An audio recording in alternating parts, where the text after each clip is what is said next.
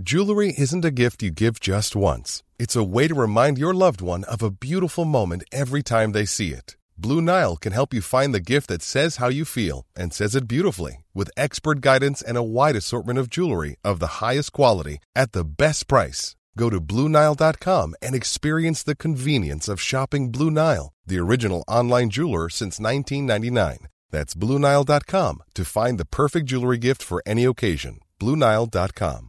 Hiring for your small business? If you're not looking for professionals on LinkedIn, you're looking in the wrong place. That's like looking for your car keys in a fish tank. LinkedIn helps you hire professionals you can't find anywhere else, even those who aren't actively searching for a new job but might be open to the perfect role. In a given month, over 70% of LinkedIn users don't even visit other leading job sites. So start looking in the right place. With LinkedIn, you can hire professionals like a professional. Post your free job on linkedin.com slash people today. Even when we're on a budget, we still deserve nice things. Quince is a place to scoop up stunning high-end goods for 50 to 80% less than similar brands. They have buttery soft cashmere sweaters starting at $50, luxurious Italian leather bags, and so much more. Plus, Quince only works with factories that use safe, ethical, and responsible manufacturing. Get the high-end goods you'll love without the high price tag with Quince. Go to quince.com slash style for free shipping and 365-day returns. Flere kristne drikker, og Donald Trump går i Ja til livet-marsj. Velkommen til Tore og Tarjei.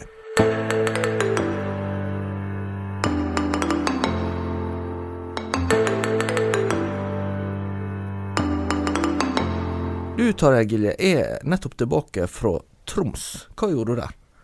Der var jeg besøkte en venn av meg som er prest i Forsvaret. og så var Jeg det var, jeg var på gamle tomter, da, for jeg avtjente førstegangstjenesten eh, i det området for nesten 20 år siden. Omtrent eh, samtidig som dagens rekrutter ble født. Ja. Eh, og så var jeg òg på Soltun soldatheim, som er noe så særegent som en, en misjonsstasjon, egentlig. Som eh, Misjonssambandet driver like over veien for eh, Setermoen, som er vel den største av hæren sine leirer i, i Troms. Og dette er jo det området der jeg tror lurer på om det er ca. halvparten av de som er til førstegangstjeneste i Norge, de avtjener sin verneplikt i en av de tre leirene som eh, hæren har i dette området. Jeg ble jo aldri innkalt til førstegangstjeneste. Det, gikk du glipp av noe. Jeg hadde, jeg hadde stilt hvis jeg ble spurt, men eh, det ble ikke. Eh, sånn at eh, det hadde rett og slett med mine sterke briller å gjøre. Ja. Jeg trodde jeg skulle slippe, jeg òg, men det Ja. gjorde jeg ikke. Nei. Det er jeg glad for i dag. Ja, ja, men det er flott du kan, kan se sånn på det. Mm. Eh, vi skal snakke om litt eh, forskjellige ting i dag, men vi må jo kanskje begynne så vidt med denne regjeringssituasjonen. Nå er det mulig folk hører på, på dette her etter at eh, det er utnevnt nye statsråder, så, så dermed så, så skal ikke vi bruke så mye tid på det. Men, men det har jo hatt en veldig spennende eh, dynamikk i det siste. Ja det er- jo sånne historiske ting som at det har vel aldri skjedd før i norsk, nye norsk historie, i hvert fall at eh, et parti forlater en regjering som blir sittende. Eh, og Fremskrittspartiet gjør jo nå på en måte det som de sier, eller har sagt før at de ikke skal gjøre, nemlig at de blir en form for støtteparti for en regjering som de ikke er med i. Eh, og når, no, no, Det siste vi hørte nå i ettermiddag, torsdag, var at eh, Knut Arild Hareide blir samferdselsminister. Han ledet jo transportkomiteen i Stortinget i en tidligere periode, så han har for så vidt erfaring fra feltet. Men han får jo nå den da regjeringen som han ønsket seg, og som mange i KrF, eh, vel sikkert de fleste egentlig primært ønsket seg, men som de da ikke kunne få. Mens nå eh, er da, skal kortene legges på nytt, og så får vi jo se hva det kan føre til. Kanskje er dette en, en, en god løsning for eh, alle de fire partiene på ikke-sosialistisk side. Vi er iallfall tilbake igjen til den eh, konstellasjonen vi hadde fra 2001 til 2005. Det er sant. Men rett nok da med KrF eh, i statsministerstoler, med Kjell Magne Bondevik. Det spørs det jo om vi noen gang får se igjen. Det er jo et godt spørsmål. Em, apropos eh, statsledere, så er jo mange av de samla denne veka litt forskjellige plasser. For det har både vært i Davos Mm. uh, eh, med det årlige World Economic Forum. Uh, Nettopp. Men så har de også vært i Israel for å eh, minnes holocaust. Det er jo 75 år siden krigen var over. Minnedagen for holocaust er jo nå i, eh, i januar. Eh, og um, det er jo egentlig ganske spesielt. Eh, Det er første gang en norsk kongelig er på besøk Mm. i Israel, nemlig kronprins Haakon Magnus. Um, men apropos Donald Trump, så har han også varsla at han skal gjøre noe som Eller apropos Donald Trump Han sendte jo sin visepresident. Det var fint. Mike Ja. Pence og Nancy Pelosi eh, er da ledende for den amerikanske delegasjonen i Jerusalem. Ja. Eh, De er vel ikke de som ellers eh, er mest sammen for tiden? Nei, det, sånn. det kan jeg vel, eh, en vel trygt si. Uh, Mike Pence er vel uh, kanskje en sånn som, som ut fra sin uh, kristne profil skulle stå mange av våre lyttere sånn relativt nær, tror Mm. jeg. Eh, han har jo sagt at han er for det første en kristen, for det andre en konservativ, og for det tredje en republikaner. Ja da. Eh, så det er liksom den prioriteringa, da. Men eh, han er jo bare visepresident. eh, og den som er president, nemlig Donald Trump, han har varsla at han nå på søndag skal gå i den årlige Ja til livet-marsjen i Washington DC. Den første presidenten noensinne som gjør det? Var det sånn? Ja, altså han har talt via videooverføring, tror jeg, tidligere.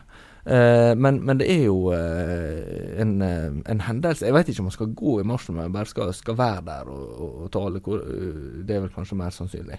Men men eh, det er jo ganske spesielt likevel at en amerikansk president deltar der. Det er, Eh, ingenting, det er vel ingenting en amerikansk president kan gjøre som mer effektivt sikrer støtte hos eh, evangeliske velgere. Nei, eh, det tror jeg nok ikke. Den, nå, nå har jeg lovt det at jeg skal begrense meg litt når det gjelder sånn historiske bakgrunnsopplysninger, men, men jeg kan bare ta helt kjapt Ja, at eh, denne datoen 26. januar, eh, den er spesiell i amerikansk historie fordi det var da i 1973 at eh, Høyesterett avgjorde i den mye omtalte Roe versus Wade-saka at abort er grunnlovfesta rettighet. Og dermed så måtte det være tillatt i alle 50 delstatene.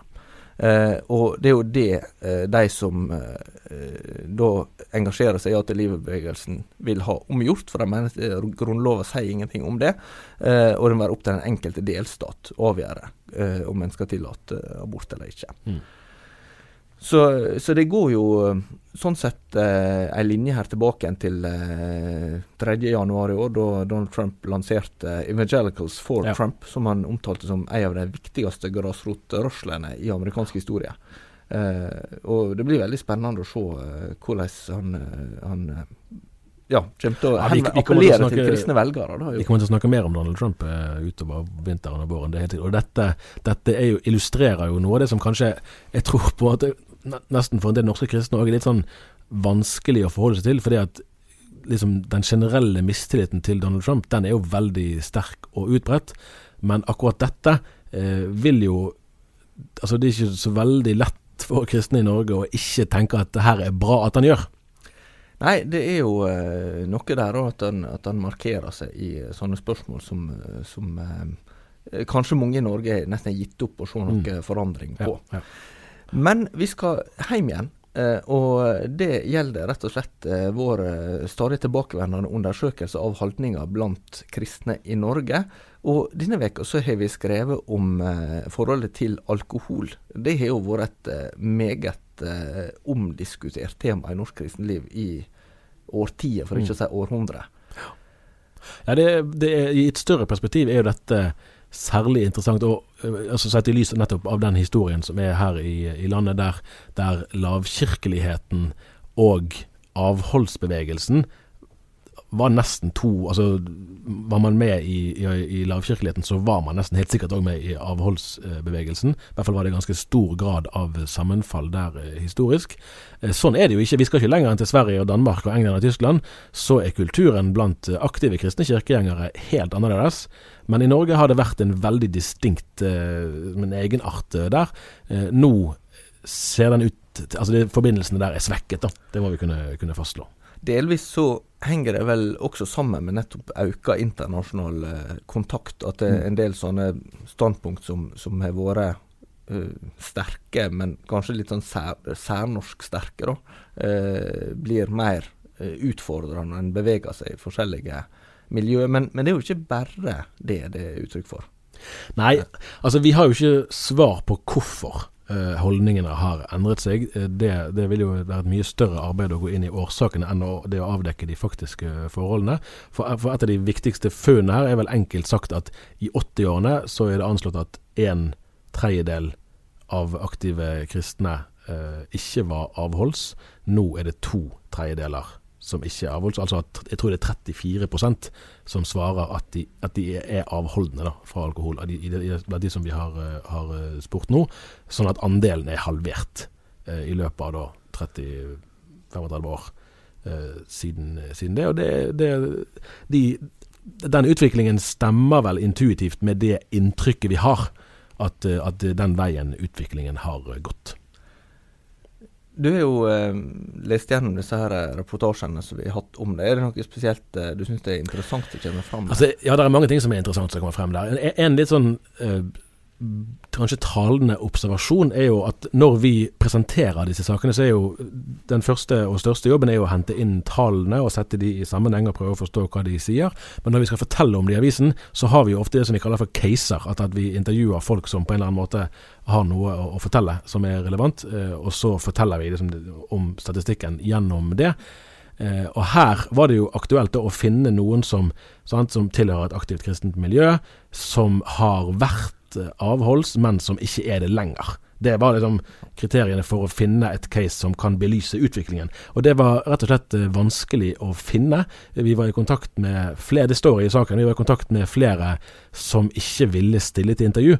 Eh, og, og, og, igjen så kan vi ikke fastslå med sikkerhet alltid hva som er årsaken, men det går an å tenke seg at noe av Altså det oppleves som en belastning å skulle stå frem som aktiv kristen og ikke avholdskvinne eller mann, fordi mange aktive kirkegjengere fremdeles lever i en sånn opplevd forventning om at hvis man er aktiv kristen, så bør man egentlig òg være avholds. Hvis man ikke er det, så har man et forklaringsbehov. Vi husker jo at det ble egentlig en ganske stor sak da Valgjerd Svarstad Haugland ble ja, ja. leder i KrF på, midt på 90-tallet. Var det 95? Ja, det var vel altså det var jo stortingsvalget i 97. Det var ja. særlig før det at hun ble kjent for at hun eh, Eller snakket om at hun tok seg et glass vin, ja. ja. Og, og, det var jo ganske omstridt eh, mm. i den tiden. Men det handler litt om, om også det å representere KrF, fordi, fordi det har vært en hel kulturtradisjon. Ja. Altså det, det, ene er at, altså det er jo alltid vært forskjellige syn på det med med, med alkohol i forskjellige kristne miljø, men i det miljøet så KrF har vokst fram fra lavkirkeligheten på Vestlandet, så er jo avholdstanken vår veldig sterke. Ja. Og, og vært ganske sånn samlende som et prinsipp ja. ut fra, en sånn uh, felles forståelse av, av Eller en begrunnelse som har vært gjenkjennelig fra, fra eh, ja, Om en reiser rundt i forskjellige Akkurat. kommuner og, og fylker, så, så har en ganske likt resonnement om hvordan en, en, ser på det. da. Og Vi ser jo ut fra tallene nå tydelig at, at, det er på Vestlandet og på Sørlandet at andel avholdsfolk blant aktive kristne fremdeles er, er høyest.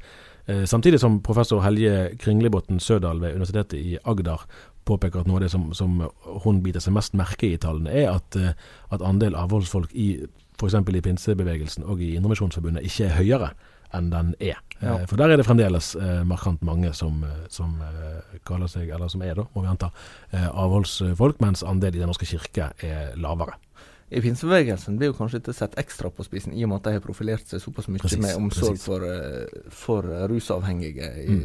evangeliesenteret. Ja. Eh, og det er jo noe som eh, Trond Eriksen, som er daglig leder der, har sett ord på. Også da vi, vi møtte han i, i høst i forbindelse med vår eh, jubileumsturné for dagen, at det, kan være utfordrende i møte med Altså når, nei, når de har tørrlagte alkoholikere som skal ut og finne seg en menighet, at de da kommer inn i miljø der på, på en måte en kan oppleve at drikkepresset er større. Vår eh, nyhetsredaktør Astrid Dahlaug Norheim skrev jo en kommentar om mm. hvorfor hun valgte mm. å bli avholdt ja, å lese. Altså. Eh, etter å uh, ha vært måteholds uh, ja. en lang periode. Og, og, eh, det blir jo henne stilt spørsmål av typen er du, er du gravid eller kjører du bil? Og En kunne kanskje vært i legge til mm. er du muslim? Mm. For det er jo på en måte tre sånne legitime mm. grunner til å takke nei til alkohol. Men, men, jeg tror kanskje at en del opplever at i, i kristne miljø så, så har det vært i alle fall hvis det blir et sånt stemningsskifte, så, så, kan nesten drikkepresset være sterkere i enkelte ja, sekulære miljøer. Det tror jeg det kan, og der er jo sånne underliggende psykologiske me mekanismer. Altså, jeg tror det er hun professor Sødal som også sier i den samme saken at hun kaller det for at livsstilspietismen, den er på tilbakegang. Og, og i en sånn løsrivelsesprosess kan du, og det tror jeg vi har, jeg vil si at jeg har sett eh, eksempler på at, at uh, unge, da, forholdsvis kristne, som uh, som eh, skal vise at de ikke er så eh, strenge da, som kanskje foreldrene deres eh, eller forrige generasjon var, kan jo da gå ekstra langt i andre retningen for å markere sin, sin frihet. Samtidig så det er et interessant trekk at, at den høyeste andel, altså at de mellom 18 og 24 er vesentlig mer, eller flere der er avholdne, enn de som da er fra 30-40 år og oppover i, i, de eldre kategoriene. Sånn at det er jo en bevissthet der da, som kanskje litt fordi at de ikke har kommet i gang. Det kan man jo tenke at en del Altså, de har ikke begynt å, å drikke vin eller øl ennå. Men du kan òg spørre om det ikke er en annen type bevissthet hos de yngre aldersgruppene enn, enn den man finner hos de som er litt eldre. Er ikke det også sannsynlig at de er enda mer eksponert for uh, sosiale situasjoner der de må markere hva de mm. står for? Uh, altså, altså, Der avholdsstandpunktet på en eller annen måte har en funksjon, da. For hvis, altså Etter hvert som åra går, så tror jeg det er en ganske allmennmennig tendens at en omgir seg stadig mer med folk en ligner mer på. Ja. Hvis jeg skal si liksom, hva jeg håper på da, med, med, dette funnet i undersøkelsen, så er det først og fremst at man får flere åpne samtalerom fordi, at, fordi at, dette, dette, sier jeg litt basert på egne observasjoner, ikke bare med hjemmel i undersøkelsen. At, at, hvis man kun holder seg med en sånn sjablongmessig svart og hvitt-tenkning, at enten er det avholdelse eller så er du ikke det, og, og, det ene er å ta sin kristne tro på alvor, det andre er det ikke, så får du den utviklingen vi egentlig ser her, der det skjer ting litt sånn uh, bak lukkede dører i det skjulte, og der vaner endres over tid, og kanskje endres de mer enn det som er, ja, som er bra. Eh, men det blir først oppdaget når det er gått, gått, når det er gått nokså langt. Jeg håper at man i flere kristne miljø eh, vil våge å sette seg ned og snakke ærlig og åpent eh, om dette, for å kunne ha en sunn kultur. Der det vil nok innebære at det, være, at det må være rom for ulike standpunkter. For dette er ikke et spørsmål som altså I, i Bibelen er alkohol i hovedsak nevnt i positive eh, ordelag. Eh, sånn at man må ha en mer helhetlig eh, sosial eh, tilnærming til tematikken. Jeg håper at vi kan få flere samtaler om det. Og så er det jo et poeng der at, at en har en, en, samtale der eh, disse her ytre tegnene på, på kristen tro ikke er det eh, det drivende. Altså, hvis en skal se litt eh, den lunge utviklingstrenden her, så er det sånn at en del sånne kristne vaner eller kristne konvensjoner, om vi skal kalle det. Og Der kan jo inngå også hvordan en har praktisert søndag, hva en skal gjøre og ikke gjøre på søndag, og eh, hvordan en skal forholde seg til uh, kultur mer generelt, mm. og til, til hva en sier ja og nei til. Da. At det har hatt en kristen motivasjon i utgangspunktet. Og så når en da eh, får en diskusjon om det i vår tid, så kan det bli sånn at det, uh, en får en diskusjon mer om disse her sakene enn hva de var uttrykk for. Ja, nettopp, nettopp. Eh, og, og, og, dermed så blir det også et oppgjør på falske premisser, fordi mm. en ikke tenker ja, men hvordan tar jeg min kristentro på alvor i dag, i stedet for at en skal frigjøre seg fra en sånn kodeks med, med, regler og bud som en ikke liker lenger. Precis, precis. For en kan jo også da kaste ut barna med badevann. Ja, ja, ja. ja det, og det der er jo nettopp det er en generell bevissthet som det trengs på mange områder å forstå. Hvorfor var det man inntok det og det standpunktet, og ikke bare å automatisk videreføre dette mente de før, dette skal vi mene i dag. Ja, eller dette mente de før, dette skal vi ikke mene i dag. Det kan det òg være. Ja. ja. da, begge deler kan være aktuelt. Vi trenger å forstå premissene, hva som er bakenforliggende ja. årsaker. Du har vært en tur på, på Hedmarken denne uken her? Rett og slett en eh, dagstur til Stange sør for uh, Hamar. Og anledninga var uh, at jeg skulle møte Alf Magnus, som i mange år var leder i Ungdom i oppdrag, og fortsatt bor rett ved deres hovedbase på Grimrud. Så vi skal rett og slett nå få høre et intervju du gjorde med han på mandag.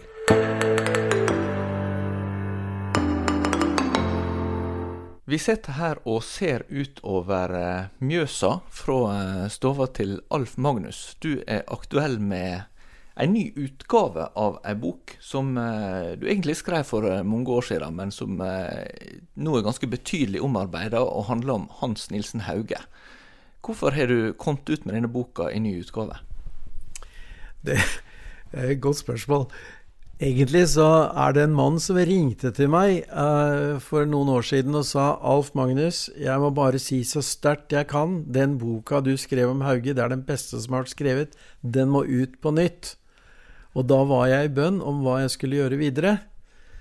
Og så har det gått litt tid, og så satt jeg oppe på samme sted noen få år senere, og så ringer samme mann og så spør hvordan det går med boka. Så sier jeg det er interessant at du ringer, for nå er jeg akkurat samme sted du ringte forrige gang. Nå har det gått et par år imellom, og nå sitter jeg faktisk og skriver, sa jeg, for nå har jeg bestemt meg for at jeg skal gi ut boka på nytt, med litt forandringer og noe tillegg. Så jeg har skrevet syv nye kapitler. Og Hauge har ikke jeg tapt interessen for. Det er jo snart 250 eh, år siden Hauge ble født. Og eh, det blir jo antagelig markert da i, i 2021 eh, når det skjer. Men de interesser har jo også ikke, ikke akkurat vart så lenger, men, men den begynte ganske tidlig. Det begynte nok med at jeg kom til bevisst tro på Jesus da jeg studerte sosiologi på Universitetet i Oslo. Og jeg begynte å tenke hm, dette var jo fantastisk. er det bare godt for meg at jeg er blitt en kristen, eller er det godt for mine omgivelser? Og kan det være godt for et helt samfunn, mon tro? Og så tenkte jeg jeg må undersøke det. Og tenkte først at jeg skulle prøve å skrive om en pågående vekkelse i Sør-Afrika blant zuluene, men eh, det fikk jeg ikke visum til å gjøre. Og så tenkte jeg på en historisk vekkelse, og da falt valget på Hauge. Det har jeg jo ikke angret på. Dette skjedde da du studerte på 70-tallet, eh, stemmer ikke det?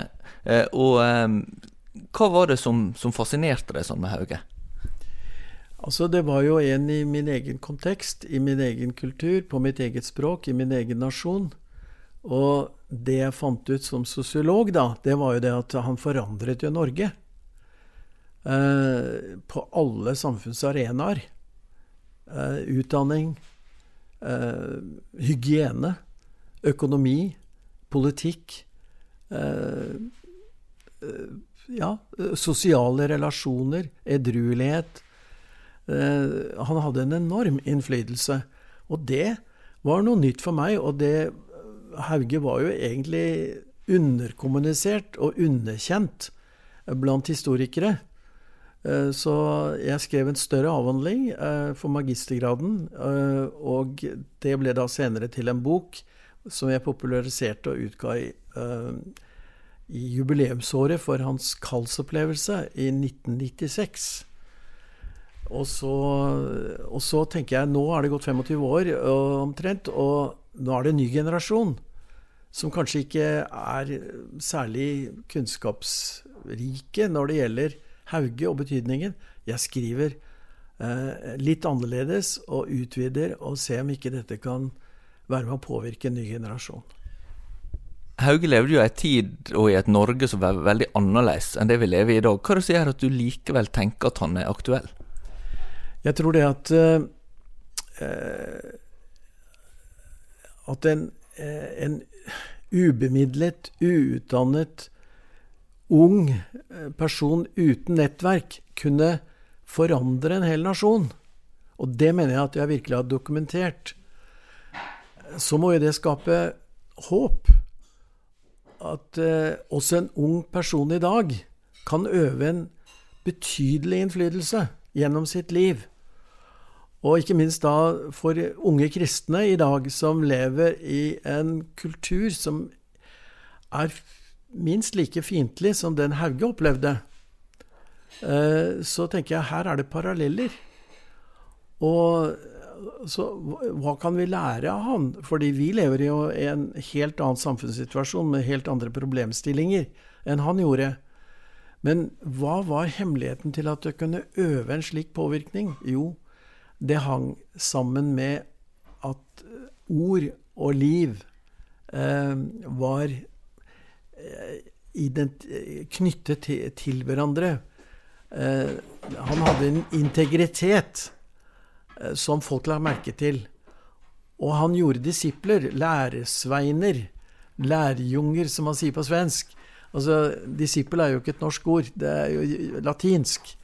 Og poenget som Jesus understreker, er at eh, hvis du vil være min etterfølger, da må du faktisk gjøre som jeg sier. Altså, du må leve slik som meg. Du kalte jo den forrige Hauge-boka di for 'Veirydder med gnagsår'. Det illustrerer jo noe av det at Hauge også både hadde en belastning, men også møtte motstand i, i sin tjeneste. Hva tenker du om det i, måte, når du skal aktualisere Hauge i dag? Jo, jeg tror vel at uh, han hadde ja, han hadde jo det møtet med Gud eh, som 25-åring som eh, rystet ham, og eh, gjorde, skapte en dyp forandring inni ham. At han virkelig opplevde at Gud elsket ham. Og så han, han fikk jo da en helt ny horisont, en helt, helt nytt perspektiv på livet, og en salvelse over livet sitt som eh, gjorde at han, han sa selv at han kunne tidvis føle som om det var et lys omkring ham. Og folk reagerte jo kraftig på ham.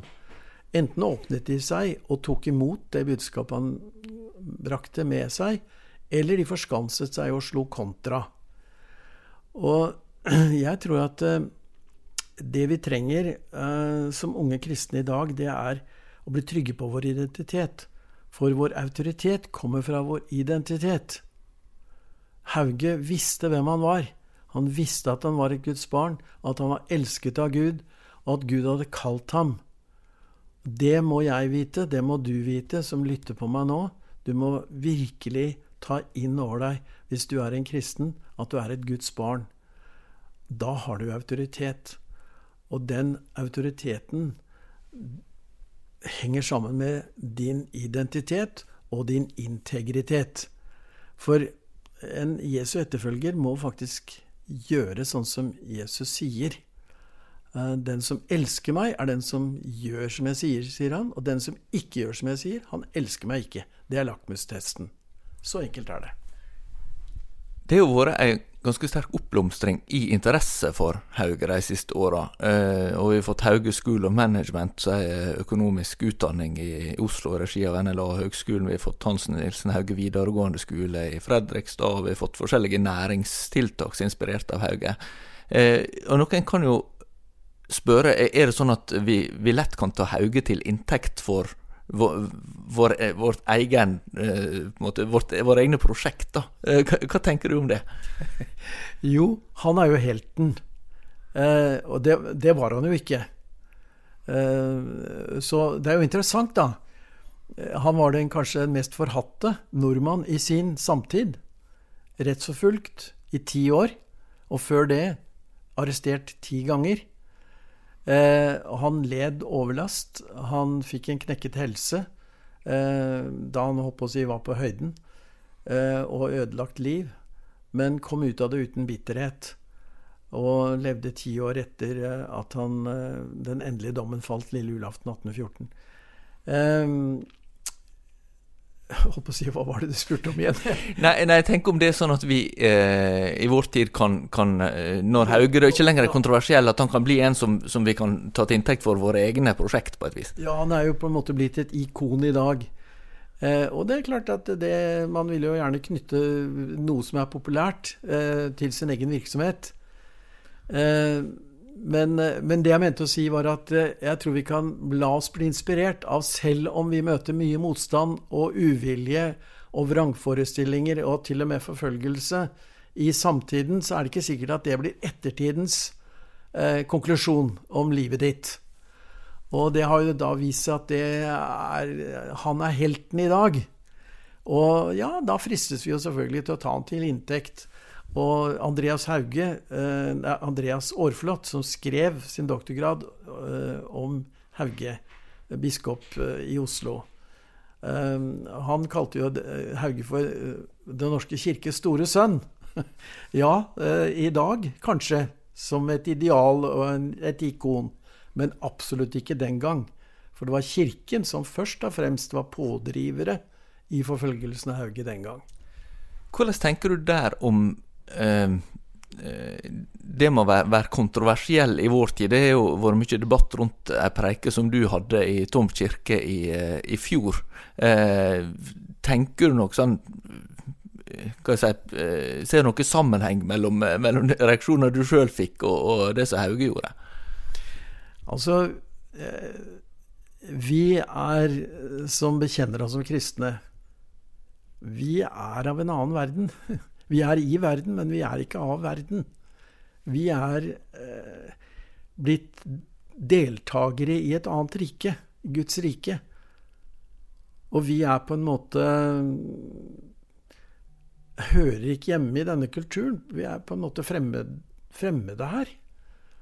Og, og, når kulturen har forlatt de idealene og de verdiene som den kristne tro har brakt til vårt samfunn, og som har gjort vårt samfunn til et attraktivt, fritt, fredfullt, forutsigbart samfunn, når da statsstaten, det offisielle Norge, har tatt avskjed med det, så, så blir vi tydeligere og tydeligere et fremmedelement i denne kulturen. Og det har å gjøre med vår identitet. Jesus sa dere er ikke av denne verden. Vi tilhører den sivilisasjonen som skal ta over, hvor Jesus er konge. Vi har fått det åpenbart. Det er ikke synlig for all verden i dag. Det er skjult, faktisk. Men vi vet det. Vi har lest siste kapittel i boka. Og da må, da, da må vi på en måte leve med den oppreisthet inni oss at ja, men vi er ikke ofre. Vi er foregangsmenn og -kvinner for den kommende sivilisasjonen. Det er vi som skal overta butikken. Den holdningen må du ha inni deg. Mange kristne er jo bekymra for at kristendommen får mindre innflytelse, sånn som du er inne på. At en, en, opplever at det som tidligere var sånn selvsagt eh, vurdert som gode verdier og en god standard og en felles, eh, felles tru da, på, på, mange måter for samfunnet nå blir mer marginalisert og mer kontroversielt. Eh, hva, hva, sier du til kristne som er bekymra for det? Ja, Bekymringen er reell. Du har oppfattet situasjonen akkurat sånn som den er. Og da er jo da er vi jo back to basics. altså Da er vi tilbake til utgangspunktet for de første kristne. De hadde all verden mot seg. Da er vi tilbake til Hans Nilsen Hauge. Han hadde Eh, deler av lovverket mot seg, og han hadde kirkens ledelse imot seg. Der er vi i dag. Og hva er vårt valg da? Ja, hvem vil du tilhøre? Hvilken fremtid satser du på? Eh, hvem er du tenkt å følge? Tids, tidens eh, motetanker, eller er det de gamle tanker? Som aldri blir gamle. Hva er det som gir deg håp i møte med framtida? det er jo at vi har eksempler på at ting har snudd før. Det så skikkelig mørkt ut da Hauge kom på banen eh, i 1796 og fikk dette veldige møtet med Guds kjærlighet. Eh, det var jo ingenting som skulle tilsi at ting skulle bli bedre. Vi, vi levde jo da i en tid med veldig kristendomsfiendtlighet og sterke reaksjoner mot eh, Eh, pietismen som ble innført ved lov og, og makt i Norge. Eh, folk ville jo ikke ha kristendom. Og når det var såpass mørkt, og at det kunne snu så radikalt på relativt kort tid, som jeg har dokumentert i boka, da kan det jo skje igjen. Vi kan ikke utelukke det. Takk skal du ha, Alf Magnus, som altså er ute med boka Hans Nilsen Hauge, 'Mannen som forandret Norge'.